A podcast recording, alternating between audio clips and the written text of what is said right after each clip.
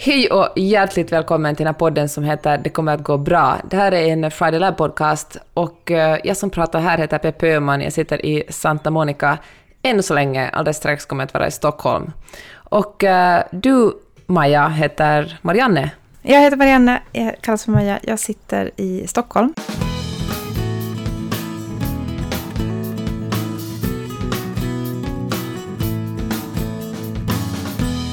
Innan vi drar igång så måste jag bara påminna er om att den 17-18 juni så ordnar vi live-events i Stockholm.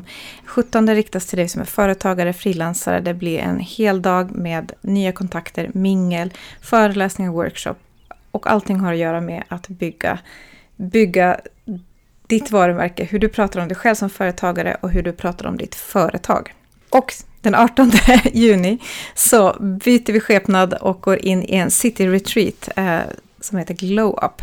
Där eh, kommer vi ha ett lugnare tempo. Vi kommer att ta oss tid före sommaren drar igång och eh, titta inåt, göra lite övningar tillsammans. Vi kommer att yoga, det blir god mat, det blir fina kontakter och mingel. Så passa på att signa upp på de, ett eller båda av de här eventen. All info finns på firelab.se och på vårt Instagram hittar du också länken det verkar som alla har så otroligt mycket just den här tiden på året och det känner man ju igen från alla andra tidigare år. Alltså när allt ska på något sätt packas ihop inför sommaren, en ny säsong. Och eh, den 18 juni när vi har vår Glow Up City Retreat, det är ju ett perfekt tillfälle att eh, bara man bara anmäler sig, så kommer dit och sen tar vi hand om resten av dagen. Och där kommer vi att eh, helt enkelt bara prata om saker som får en att må bra och att kanske blicka framåt och tänka på vilka beslut som jag gör idag kommer att göra mig till den person jag vill vara om tio år. Och eh, man får bara gotta sig ner i sig själv. Sen kommer ju sommaren och då kommer man också att behöva ganska fulladdade batterier. Så det här är en dag att eh, pausa mellan två olika sorters stress och sen bara tänka på sig själv och eh, bli en, ja, och glow up. Mm. Ja, vi ser så fram emot att träffa er här i Stockholm och få ta hand om er. Det, ja, det blir en bra start på sommaren. Verkligen. I den här podden ska vi tala lite om eh, självkänsla och vem man är i olika situationer. Och det fick mig att tänka på när jag flyttade till eh, Los Angeles för nästan tio år sedan. Då hade jag fått ett stipendium för att göra en master vid ett universitet som heter USC. Och, eh, och jag hade jobbat liksom tio år som journalist, nästan åtminstone innan det, och var van att ha en viss identitet som journalist och författare. Och jag tyckte att jag var ganska bra på att skriva och kunde hantverket. Och så kom jag då till det här universitetet där alla andra hade engelska som, som första språk. Och um, vi skulle skriva och vi skulle skriva en massa texter som vi såklart inte fick betalt för, för det var en skola jag gick i. Och uh, hålla föredrag på engelska och uh, allt som jag tyckte jag var ganska bra på, att skriva och prata och ha en journalistisk identitet, plötsligt inte fanns längre. Och jag kände att uh, ja, det var en sån svacka för min självkänsla, för jag insåg att jag hade grundat mig så mycket i en viss eh, persona som jag själv tyckte jag var, och den existerar inte längre i det här nya sammanhanget. Och eh, det var på något sätt eh, väldigt... Alltså på USA säger man humbling, jag vet inte, alltså det tvingar mig att bli lite mm. ödmjuk och granska mig själv vem jag egentligen är. Otroligt jobbigt var det. Sen kom jag i sig ut på andra sidan och under en kort tid kände jag mig extremt smart och duktig efter att ha tragglat mig igenom det. Men eh, nu har det återgått till normala nivåer igen. Men eh, vi vet, det var liksom en, en upplevelse som, eh, som eh, jag har tänkt på mycket i efterhand, hur otroligt överraskande jobbigt det var att slängas in i ett nytt sammanhang. Ja, men det är så intressant. Jag, jag blev och funderade på Öman. Att vad var liksom, vad blev det på andra sidan? Gick du tillbaka eller blev det något annat? Jag tror faktiskt det blev någonting annat, för att eh, jag hade den stora fördelen att kunna befinna mig på en plats där ingen egentligen hade någon förutfattad mening om vem jag var. Alltså, det var jobbigt för att ingen bekräftade mig i den roll som jag kom från i Finland. Men samtidigt var det också befriande, för jag fick en helt eh, ny chans att eh, liksom lite experimentera med, sig, med mig själv. Liksom på något sätt, gud låter så otroligt töntigt att säga återupptäcka sig själv, men att fördelen när man kommer i ett, ett nytt sammanhang är att ingen Ingen bekräftar liksom en gammal, varken gamla fördomar, både positiva och negativa, eller någonting annat, utan man får bara vara den man är idag. Så att jag tror faktiskt att jag är en mm. lite annan person. Jag tror att om jag hade stannat i Helsingfors hade jag nog fortsatt vara den, eh, den personen som, alltså på gott och ont, alltså jag, hade, jag tror inte jag hade utvecklats lika mycket då. Jag tror jag tragglade fram med samma journalistik, inte dåligt, men inte jättemycket bättre. Nu Åh oh, gud, nu låter det som jag ska hålla på och skryta, nu är jag så otroligt duktig. Det är inte det jag menar. Det som jag menar är helt enkelt att, att det var eh, otroligt befriande att få testa lite olika versioner av mig själv. Och eh, trivs väldigt bra i den jag är nu här. Men hör du, alltså jag tänker att stanna i den där jobbiga känslan lite. Den där känslan av att det som man var och det man känner sig trygg med helt enkelt inte gäller längre. Ja. Att det är ju skitjobbigt. Det är väl därför man undviker att göra stora förändringar. Ja. Ja, alltså det är det. Jag tänker ofta så att om jag hade vetat exakt hur jobbigt det skulle vara att plugga det här året, hade jag, jag hade åkt, men jag hade nog varit så otroligt, herregud så stressad jag hade varit. Jag gick ju ganska naiv in i den här, liksom, det här året. Mm. Och jag kommer ihåg att jag kom, tappade hår under något skede, för jag tyckte det var så otroligt stressigt, vilket ju kanske var mitt eget fel, för att jag ställde på något sätt orimligt höga krav på mig själv, men på hur bra jag skulle prestera i olika kurser. Men, eh, men eh, ja, den där känslan var... Och den där känslan att äh, kanske uttala ord på fel sätt skämdes jag för. Mm. Alltså, jag skämdes verkligen... Jag kommer ihåg jag skämdes jättemycket över att jag bara kunde säga saker på ett eller två sätt. Jag kom ju till USA med uppfattningen om att jag talade ganska bra engelska, för jag hade skrivit liksom ett slutarbete från universitetet i Helsingfors på engelska. Men, men jämfört med amerikaner så talar jag ju verkligen en väldigt basic engelska. Och, mm. Och de här människorna som jag pluggade med, de var ju, alltså de var ju journalister och jättevana att både i skrift och, och, och prat uttrycka sig. Så kommer jag ihåg att jag tänkte på att fan, de här människorna kan uttrycka samma sak på 50 olika sätt. Alltså de kan, det finns mm. så snygga sätt de kan prata på. Och jag känner mig verkligen ja, men, väldigt underlägsen. Oh, så mycket igenkänsla i det där och lockar fram en, en tanke som jag inte har tänkt på på riktigt länge. Men eh, när jag flyttade till Helsingfors, jag studerade i Helsingfors och jag pratar ju finska med min mamma här i Sverige så jag kan ju finska. Så. Men jag skulle ju studera på svenska så det var liksom inte ett problem. Men hur jobbigt jag tyckte det var att när jag inte, alltså när jag mötte människor som jag pratade finska med som inte visste att finska mm inte var mitt modersmål. Att jag inte ens hade bott i Finland förrän jag var 18-19. Eh, för mitt ordförråd var ju också väldigt, väldigt mycket sämre. Jag låter ju inte alls lika smart på finska mm. som jag låter på svenska. Så jag tyckte det var så jobbigt den här ovetskapen, eller så att andra inte visste. Eh, tyckte jag var så jobbigt. Eh, när jag flyttade till eh, Schweiz och inte kunde franska så var det ju helt tydligt för vem som helst att det var ju inte ett språk jag behärskade. Och därför kändes det inte så jobbigt att jag inte heller kunde det så bra. Även när jag liksom efter 15 år i franskspråkiga länder pratar franska på ett halvdåligt sätt så var det helt tydligt att det här är inte det här är inte den här kvinnans modersmål, hon talar säkert något annat språk bättre. Så kändes det. Ja, eh, jag fattar verkligen det där. Och det andra jag tänker på är att ha gått från att varit anställd och haft ett bra jobb, varit chef, haft en bra lön och sen gå och bli företagare. Vilket i den första perioden kändes helt okej. Okay. Jag menar, ingen förväntar sig att man ska från dag ett börja tjäna massa pengar och komma upp, liksom, jobba upp till samma nivå. Så att, att gå från en bra lön till att eh, vara företag och börja bygga upp någonting, det tar ganska lång tid. Och särskilt när man tycker att det jobbet man gör, liksom man skapar värde, det känns viktigt, det känns roligt. Och sen ibland, väldigt, väldigt, väldigt sällan, så tittar man liksom på vad som dyker upp i lönekuvertet. Och tänker, oh, det är ganska långt ifrån det, det är liksom gamla goda tiden, där man gjorde ett helt hyfsat jobb, men bara på ett stort bolag. Liksom. Men gud ja. Med en liten titel. Uh, och då, då kan jag också, så här, 99 procent av tiden så känner jag, tycker jag inte att det är jobbigt. Men när jag ska gå in och titta liksom budget eller ibland när jag blir påmind om vad månadslönerna är i kanske i motsvarande jobb som jag haft, då blir jag så här, liksom, ja, förstår du vad jag känner? Men verkligen. Håller du med? Alltså en annan sak som verkligen, som, som har med pengar att göra, som alltså nötte ner min självkänsla ganska mycket här. Vilket jag på något sätt, jag önskar att jag var en större människa än så, så att, att jag inte bryr mig så mycket om pengar, men det var en chock också att flytta till USA och då kom jag från ett ganska bra medelklassliv i Helsingfors. Och komma hit där allt är så sinnessjukt dyrt. Och försöka, för år efter att jag slutade studera, då hade jag ett stipendium som betalade våra räkningar, men att etablera mig som då först frilansare och sen företagare tillsammans med dig, Maja, det var ju verkligen inte de pengar jag tjänade i Helsingfors. Och eh, här borde jag ju dessutom nästan trippla min lön i Helsingfors för att kunna leva på samma levnadsstandard. Att ha mindre pengar än sina kompisar för de flesta jag umgicks mm. med här i LA, de kom hit på jätteflashiga jobb som liksom reklamfilmsregissörer eller producenter för stora TV-produktioner eller någonting annat som verkligen betalar nästan, för mig, fantasisummor i månaden.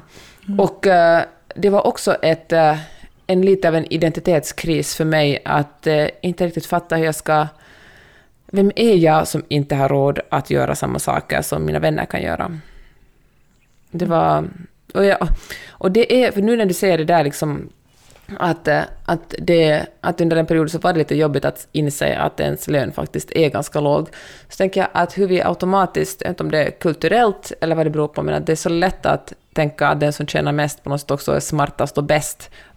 Extremt förenklat nu, men åtminstone mm. i USA finns det att det är liksom ett, ett jobb som betalar mycket på något sätt är värdefullare och det krävs mer kompetens än ett jobb som eh, betalar mindre och, eh, mm. och så, tänker jag, så ser man ju också på yrke, yrken i, i, liksom, i Norden. Jag menar, om man jämför vad liksom en, en, en sjuksyrra tjänar jämfört med någon som jobbar med att eh, flytta pengar från en plats till en annan. Det är ju som jättestor skillnad. Då kan man liksom rent krasst fråga sig, vem gör mer nytta?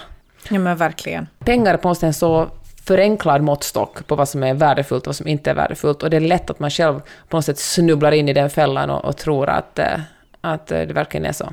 Och det är lustigt att man gör det trots att pengar inte är den största drivkraften mm. nödvändigtvis. Verkligen. Vad är det som stärker ens självkänsla då? Eller vad är det som stärker din? Nej, men jag tänker så här att när man har kommit ur, när man har gått igenom någonting som förändrar en och det kan ju antingen vara då någonting man själv har valt att göra eller någonting som livet har serverat en. Så, så tycker jag ofta att man ändå upplever efteråt, om man tar sig tid att reflektera lite, så, så kan man se i efterhand hur man har utvecklats och kanske också kan mm. sätta ord på, på hur man är idag. Alltså man får liksom en uppdaterad bild av sig själv. Men vet du vad som är svårt? Att verkligen göra det. Berätta. Alltså man, det är ju ja, så typiskt att man bara tittar framåt och man ser också bara framåt, typ herregud vad stressig den här veckan är. Han bara herregud, det här måste jag hinna med på torsdag, det här ska jag på fredag, sen kommer det här lördag och söndag och sen tar på något sätt horisonten slut, eventuellt räcker den till midsommar eller liksom något annat som händer. Men att se bakåt och tänka sådär, fan det gjorde jag bra. Det alltså, gör man så sällan. Man måste typ ha en podd som den här Maja för att kunna göra det. Ja, man måste ha en podd eller så måste man skapa ett uh, kvinnligt nätverk där man gör det här med sina medlemmar en gång i månaden. Exakt så. Och det gjorde jag igår. Uh, jag blir ju... Det, ja, det finns få saker som gör mig så glad som att sitta 45 minuter, ganska mycket i tystnad, med våra medlemmar och då, där de får liksom sätta ord på ganska kortsiktigt vad som har hänt den senaste perioden och titta framåt. Och att få fira de här bra grejerna man har gjort. Mm. Det är ju det bästa. Och jag, jag tänker att man, när man äh, skapar det, man tänker lite mentalt gym, att när man har en struktur kring att, att reflektera kring vad som händer omkring en och vad som händer med en själv. Så då uppdateras ju den här självbilden ganska sådär mm. hela tiden på ett bra sätt. Det är att om man har försummat det under långa perioder och sen känner sig helt vilse för att man känner inte igen liksom varken vad man gör eller vad man säger eller hur andra ser en. Det är då man ofta måste sätta ett större tag och titta, kanske med hjälp också. Eh, vad är det jag gör? Men, Vem är jag? Hur ser andra människor mig? Är det inte ganska ironiskt för att ofta just den här tiden på året när man är så himla stressad och, eh, eller liksom, det är så jobbigt för att säga att man är stressad eftersom alla är stressade, nästan som det är liksom normen att man har lite för mycket att göra. Och då känner man så här oftast att eh, men jag har verkligen inte tid. Vem har tid att uh, pausa en stund för att fundera på vad jag håller på med? Mm. Jag får göra det sen. Och sen är ju ett väldigt abstrakt, en väldigt abstrakt tidsangivelse. Det behöver faktiskt aldrig hända. Sen kan alltid flyttas fram i, framåt i framtiden. Och, uh, men det är kanske precis då som man borde ta sig 45 minuter och vara sådär att okej, okay, jag har extremt mycket att göra nu och därför behöver jag ta 45 minuter där jag pausar och uh, fundera på vad jag egentligen håller på med. Vet du, det här med goda vanor och strukturer, det är ju det som bygger den vardag vi lever i. Och jag vi har hållit på nu i fyra år, du och jag snart, Mm. med Friday Lab. Och jag märker ju nu att antal deltagare på just de här, både incheckningarna jag har med företagare på måndagar och de här eh, månadsincheckningarna, att det, det är fler och fler som deltar och det framförallt är de flesta kommer tillbaka varje månad. Och jag blir som allra gladast när eh, de under incheckning säger att jag har så mycket nu. Och så är de ändå där. Mm. Ja. Vet du, då- då vet jag att det har liksom byggts in en vana. Man har sett resultaten av att ta sig den tiden. Eh, och jag, jag, alltså, jag jobbar ju med det här varje dag. Jag skulle, jag skulle inte få till det varje månad om jag inte skulle ha det i kalendern och göra det tillsammans med det här gänget. Därför man gör inte det. Man Nej. bara springer på. Det gör man. Så man ska ju bygga strukturer kring det som är viktigt för en. Jag har eh, samtidsspanat lite Okej. den här veckan. Mm. Jag har varit i många olika samtal av olika slag och eh, en gemensam nämnare som jag upplever att många lyfter är dels den här känslan av att det är mycket. Det finns också de som lyfter det att, att man försöker motstå att gå in i andras liksom, tanke om att det är för mycket. Det vill säga man kanske inte alls har det för mycket, men alla Mm. andra har det för mycket. Så man tror på något sätt att det kanske är jag som har missat någonting. Gud, det är sådär som man ser att Så- en stor folksamling kommer springande och istället för att fundera på att springa dem Ja. ifrån så bara slänger man, börjar man springa med dem. Det är för kanske överlevnadsinstinkt. Ja, Okej. ja, jag tänker att man kanske ska göra det om det är en stor folksamling faktiskt. Anyways. Men att man behöver faktiskt inte gå in i stressmode bara för att alla omkring en har det. Man, du kanske inte alls har glömt någonting. Du Mm. kanske bara har prioriterat. Eller så kan det vara så att du har tidigare lyckats tacka nej. Eller så har du byggt strukturer kring saker som upprepas. Mm. Eller hur? Verkligen. Eh, En struktur kan ju vara att man har lärt sig att tacka nej till vissa saker när man vet att en period ska bli mer intensiv än annan. Hörru, jag skulle vilja gå tillbaka till det här med att eh, bygga självkänsla om man befinner sig i en plats där man känner att jag vet inte riktigt vem jag är i det här sammanhanget och eh, det känns inte superbra. Jag eh, har... Det här, nu får du hålla i dig nu Maja, för nu kommer det en, en, en oväntad parallell kanske. Jag har nämligen kollat på Oj, ett TV-program som heter Love on the Spectrum, som handlar om personer som har en, befinner sig någonstans på spektrat, som har någon form av, av autism, som dejtar med varandra, be- inte dejtar med varandra, utan som dejtar varandra. Och eh, det är en form av, av så blind dating, så produktionen sätter ihop två personer. Och eh, oftast blir det ingenting, men ibland blir det någonting. Men det som är så otroligt inspirerande att se på det här är hur de här personerna kommunicerar. För de, eh, de istället för att eh, sitta och fundera på dolda agendor eller liksom kanske vara lite manipulativa, så säger de precis vad de tänker och tycker, upplever jag åtminstone som tittare. Och jag tänker att om man har en, en, är man i en period där man känner sig, ja men man är sådär att jag är inte på topp just nu, då ska man kanske välja vissa människor som man respekterar och som vet att man står på, som står på ens sida, och eh, lyssna på vad de säger om en. Och inte när någon säger så här, jag tycker att du är så otroligt smart, eller jag tycker du är så jätte... Du, har, du är så snäll, du är så empatisk, du är så otroligt bra på att, vad vet jag, skriva eller åka rullskridskor eller simma, vad vet jag. Och ta det exakt som det är. Istället för att vara sådär, nej men den här personen säger det där bara för att göra mig på gott humör, eller för att vara snäll, eller för att hen har någon slags, um, vad heter det, hidden agenda, någon slags uh, vill någonting och därför är den här personen snäll. Utan bara ta det. När någon säger någonting trevligt igen, tar man det. Och så har man sagt, jaha, gud vad, det här är ett faktum. För jag tycker att vi, jag vet inte om det handlar om någon slags uh, nordisk kultur där vi liksom slår ifrån oss komplimanger och säger att nej, nej, äsch, det är verkligen inte den här gamla trasan, eller utan bara ja, men, låta det sjunka in igen, kanske stanna upp någon sekund och vara sådär att ja, kanske det är sant, kanske jag är duktig på att eh, laga den här risotton och den är faktiskt det godaste den här personen har ätit i hela sitt liv. Det är ja, att spegla sig i Så- andras komplimanger. Så bra Peppe, för jag, jag tänker att vi, vår inre röst är inte alltid jättesnäll och inte alltid jättepålitlig. Oftast inte pålitlig kan man till och med säga. Och man vet ju när man själv har en, en vän som har det jobbigt och hur man själv ser på den vännen liksom med, med de snällaste ögonen mm. och man ser alla framsteg den gör, man ser allt det positiva som den har gjort och kan och det där. Eh, och den här vännen är liksom tvärtom, ser ingenting av det här. Att tänka att så är det för mig också.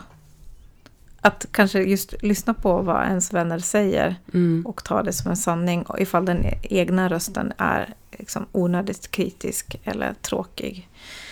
Um, Verkligen. Det är en jätte, alltså jättebra grej. Spontana tankar och känslor behöver absolut inte vara fakta. Ibland är det bara hjärnan som gissar. Mm, precis. Och sen att spegla sig också i nya människor. Att eh, när man träffar nya människor så är det ju ett, ett, en chans att se vad andra ser för första gången. Jag tänker när man börjar på en ny arbetsplats eller man träffar ja, nya människor i något socialt sammanhang. Mm. Eh, så det är en bra chans. Om man behöver lite hjälp i det här kan, ska man såklart, eh, om man är företagare, komma på vår eh, Friday Business Lab Workshop den 17 juni, för där kommer vi att prata om hur vi kommunicerar om oss själva och hur vi kommunicerar kring vårt företag och det, den produkt vi säljer. Att sälja grejer är så mycket lättare när man själv vet exakt vad man håller på med.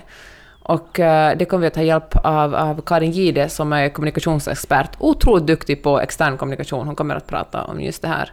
Och uh, sen blir det också nätverkande. Det är väldigt härligt att träffa andra människor som, är i, som kanske sysslar med helt andra saker, men som ändå befinner sig i samma situation, är, är egenföretagare. Och, uh, Exakt, och då kommer man ju chansen att bolla i liksom frågor man sitter med, med både med dig och mig och med gruppen. Vi kommer ju ha gruppcoaching den här dagen och det vet jag ju att det alltid tar en, ett steg framåt mm. i det man har suttit fast i. Alltid. Det är garanti på den. Ja. Och uh, den 18 uh, blir det City Retreat och som sagt, då är det bara, då säger vi så här, I got you. Och sen tar vi er i handen mm. och gör bara en otrolig dag. Vi har gjort flera stycken mm. liknande retreats tidigare och jag kan säga med 100% sannolikhet kommer deltagarna att gå ut därifrån med mer energi och vara lyckliga, för man blir man blir glad av att uh, vara i bra sammanhang och man får energi av sådana människor som går på våra retreats. Så kan man ju tänka att alla må, omkring dig kommer må lite bättre av att du är lite mer utvilad i slutet av juni. Ja men gud ja, istället för... för det lovar jag att ja, det kommer bli. Det är verkligen inte att, uh, att på något sätt ta... Ja men det är en investering i både dig själv och de som är nära dig, faktiskt. Mm. Ja, jag ser så fram emot det, Maja. Tänk att få vara där med er i juni. Det känns så avlägset nu när jag sitter här i Santa Monica, men om två veckor så händer det. Yes, underbart. Eh, tack för snack, Peppe. Det var länge sedan vi har poddat. Verkligen, men så kul. Och vara tillbaka. Och tack du som har lyssnat. Vi återkommer med en podd snart och jag hoppas vi ses innan dess. Yes, ha det fint. Ha det fint. Hej då. Hej då.